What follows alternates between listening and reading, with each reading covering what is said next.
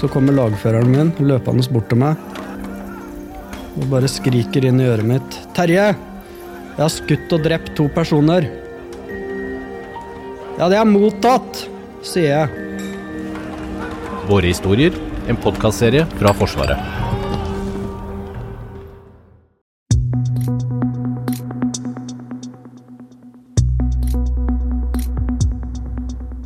I snart to uker har Forsvaret evakuert skadde personer fra det jordskjelvrammede Tyrkia. Skjelvet har så langt krevd mer enn 46 000 menneskeliv. Mandag denne uken kom et nytt skjelv.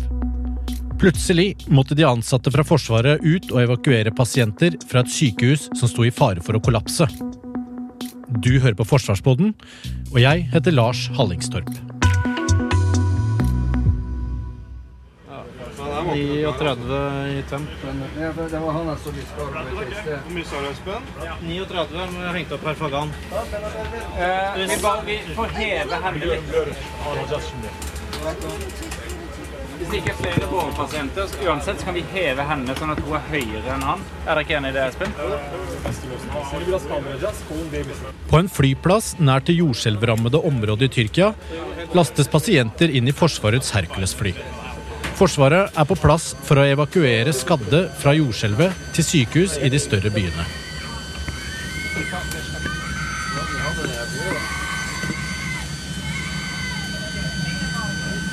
Hercules-flyet har evakuert nærmere 250 pasienter fra jordskjelvområdene.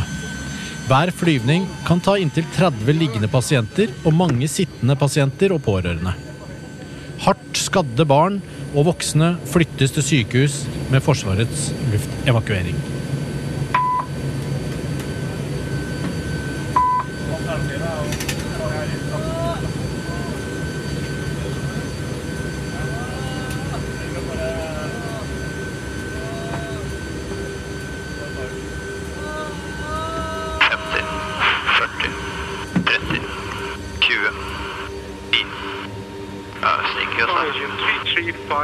335, vacate via first left available and follow the following car. I will go first left. Uh, and will follow, follow me car. Thank you. Eh, Håkon Asak, du er eh, medisinsk ansvarlig for Forsvarets luftevakueringsgruppe. Og mandag kveld kom nok et jordskjelv mens dere var i Tyrkia. Kan du fortelle oss, hva var det som skjedde? Personlig så lå jeg i sengen og hadde en liten ettermiddagshvil og kjente at eh, det begynte å gynge. Og brukte noen sekunder på å orientere meg på hva Det var en unormal følelse. Men eh, etter noen sekunder så skjønte jeg ganske kjapt at dette ikke kunne være så mye annet enn eh, et jordskjelv. Og vi har en måte å kommunisere på som hvor raskt flere kom på ballen. Og vi det var flere som skjønte hva som skjedde, og det var derfor vi reagerte ganske raskt på, på hendelsene. Hva, hva skjedde videre så? Nei, da hadde vi etter hvert en ganske ram, rask samling eh, der vi oppholder oss, og, og, informerte hverandre om litt hva som skjedde. Fikk eh, verifisert hjemmefra at det faktisk dreide seg om et jordskjelv, og varslet i vår linje opp til eh, i forsvarslinja hjemme i Norge. Og, og antok at det var fort sannsynlig at uh, tyrkiske myndigheter ville be om hjelp i og med at uh, jordskjelvet var av en såpass alvorlig art. Og og det kom også veldig raskt i nyhetsbildet at det var skader på bygninger og, og personer som var skadet. Så vi, vi, tok, vi, la egentlig sammen to pluss to og tenkte at her er det bare å være forberedt. Ja, ble dere sendt ut på oppdrag da, eller?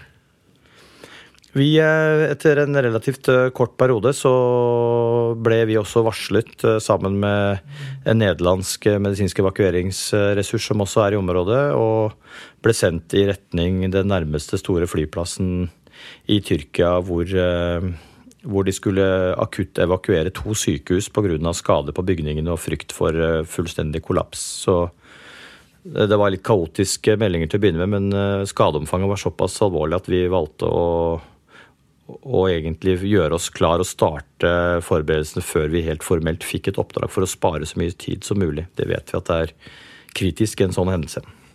Ja, hva, hva, går oppdraget deres ut på i, i den situasjonen her da?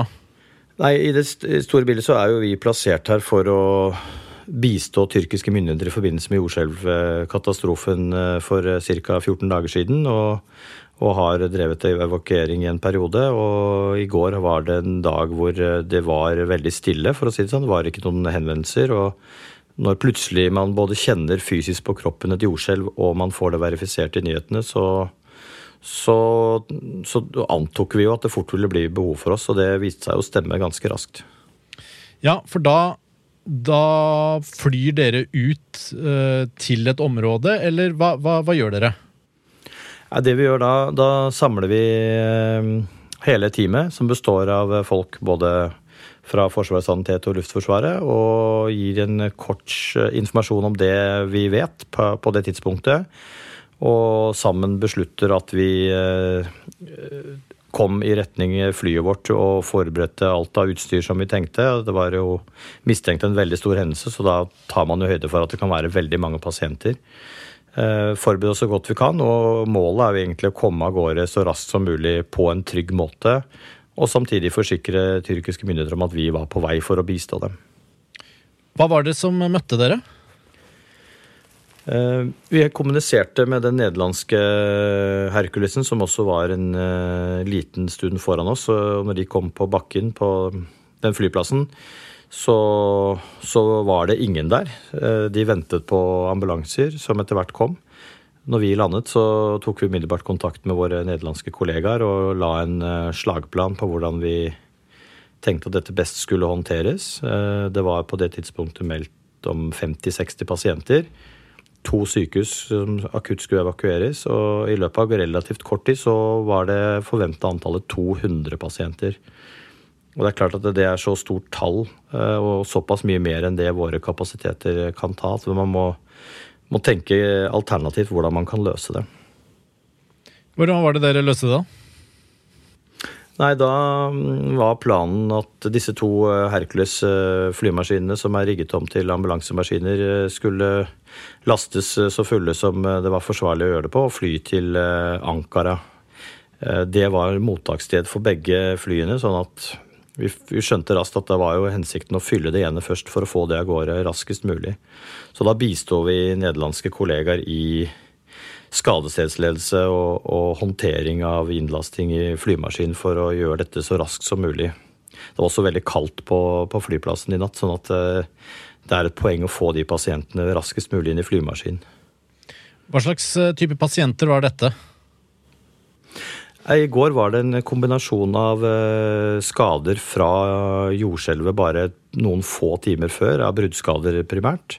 Eller så var det alle mulige typer pasienter som var inneliggende i dette, disse lokale sykehusene. Både skader fra jordskjelvet for 14 dager siden, eh, alvorlige skader, og det var helt andre alminnelige sykdomstilfeller som, eh, som krever sykehusinnleggelse. I og, at, I og, med at, de fryktet at bygningene skulle kollapse, så måtte de jo tømme sykehuset for alle pasienter, både barn og voksne.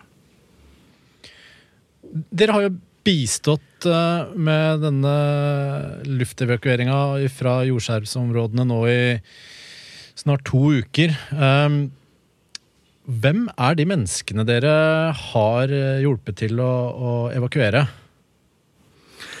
Uh, det er eh, barn og voksne i alle aldersgrupper. Eh, både pasienter som har ligget fastklemt i mange dager før de er blitt frigjort. Andre pasienter som har hatt eh, bruddskader i forbindelse med selve hendelsen. Det har vært deres pårørende som også i stor grad faktisk også har vært pasienter, i den forstand at de har vært utsatt for såpass store psykiske påkjenninger at de har hatt eh, utfordringer med å ta vare på små barn som de har i følge. Så det har vært et ganske komplekst bilde med ekstremt stygge klemskader, amputasjoner, eh, hvor man trenger ganske avansert kirurgi innen relativt rask tid. Og det har vært eh, alvorlige blodforgiftninger. Så vi har hatt ganske avansert behandling underveis i transport til de større sykehusene vestover i Tyrkia. Og dette her er noe dere gjør om bord på et uh, Hercules-fly? Ja, dette er eh, jo bestående av selektert helsepersonell som Forsvaret har på beredskap. Sammen med trent personell fra Luftforsvaret. Og da gjør man jo raske beslutninger eh, når vi kommer til disse pasientene med store mottak med veldig mange ambulanser. Gjør vi rask det vi kaller for triasj, altså at vi gjør en rask eh, skade, skade Få en rask oversikt over skadene og hastighetskravet på en måte til pasientene. Får de inn i flymaskinen eh, på en rask og forsvarlig måte og starter nødvendig behandling slik at de er under behandling frem til de kommer til endelig bestemmelsessted, som er da hvert større sykehus i de store byene vest i Tyrkia. Hva er, er, hva er det som er mest krevende i en sånn situasjon? Dette er et kjempekomplekst eh, oppdrag både med tanke på logistikk, det er mange nasjoner som bidrar, eh, det er å opprettholde godt nettverk, samarbeid og koordinere opp mot eh, tyrkiske myndigheter i en, en kjempestor naturkatastrofe med tusenvis av døde og skadde. Så det er veldig mange, på veldig mange nivå. Man må, man må prioritere å skaffe seg et nettverk som man stoler på, og for å skaffe seg så best mulig oversikt over, eh, over, behovet til Tyrkia som vi er her for å, for å støtte. Sånn at vi kan bidra på best mulig måte med vår ressurs. Dere møter jo da eh, disse menneskene og pårørende til skadde og vanlige, vanlige folk. Hva, hva, hva, forteller de? Hva forteller de om det de har opplevd?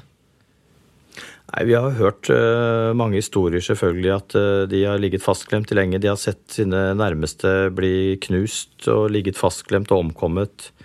Uh, usikkerhet selvfølgelig rundt det om, om familiemedlemmer er i live eller ikke. Store lidelser med tanke på smerter, og du kan tenke deg selv å bli fastklemt i dagevis i kuldegrader uten mat og drikke. Så det er, det er veldig tøft å høre disse historiene.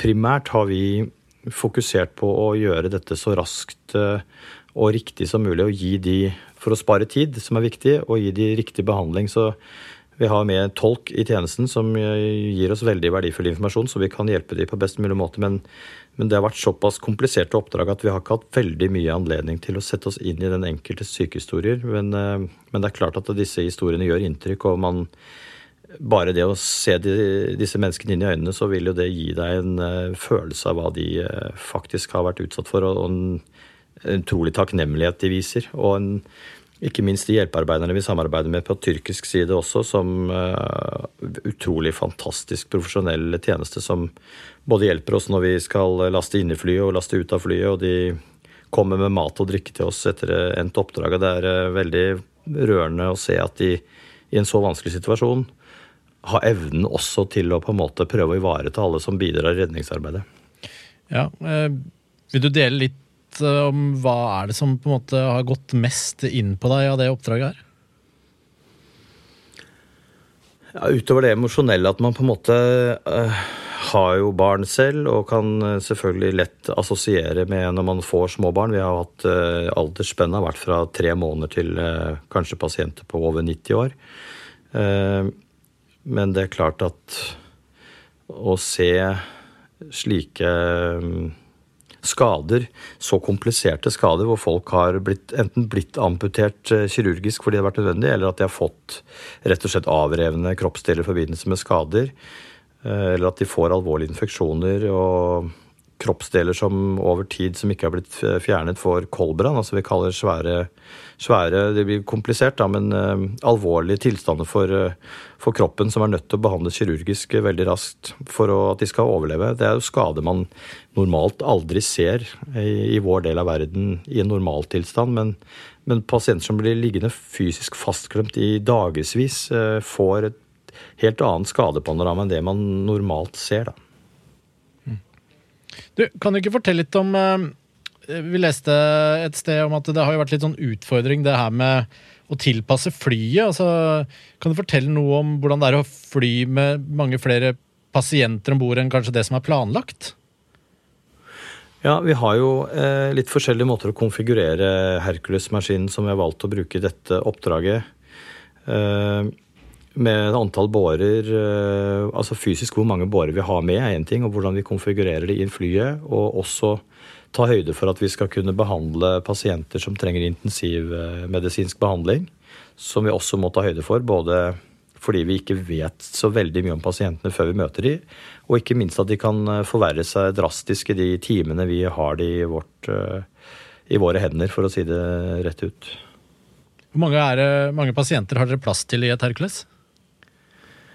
Altså, vi har flydd eh, oppdrag her nede med 30 liggende pasienter og betydelig antall eh, både pårørende og sittende pasienter i tillegg. Så det har vært trangt om bord, men, eh, men selvfølgelig gjør vi jo en balansert risikovurdering opp mot behovet, opp mot flysikkerhet. Sånn at eh, sikkerheten til personellet er selvfølgelig alltid i fokus. Men det er klart når man står overfor så ekstreme situasjoner, og alternativet er å legge, eller sette eller legge igjen pasienter på en flyplass som ikke får behandling, så er det et krevende, krevende regnestykke. Så vi har strukket oss veldig langt eh, som team for å prøve å løse dette på best mulig måte.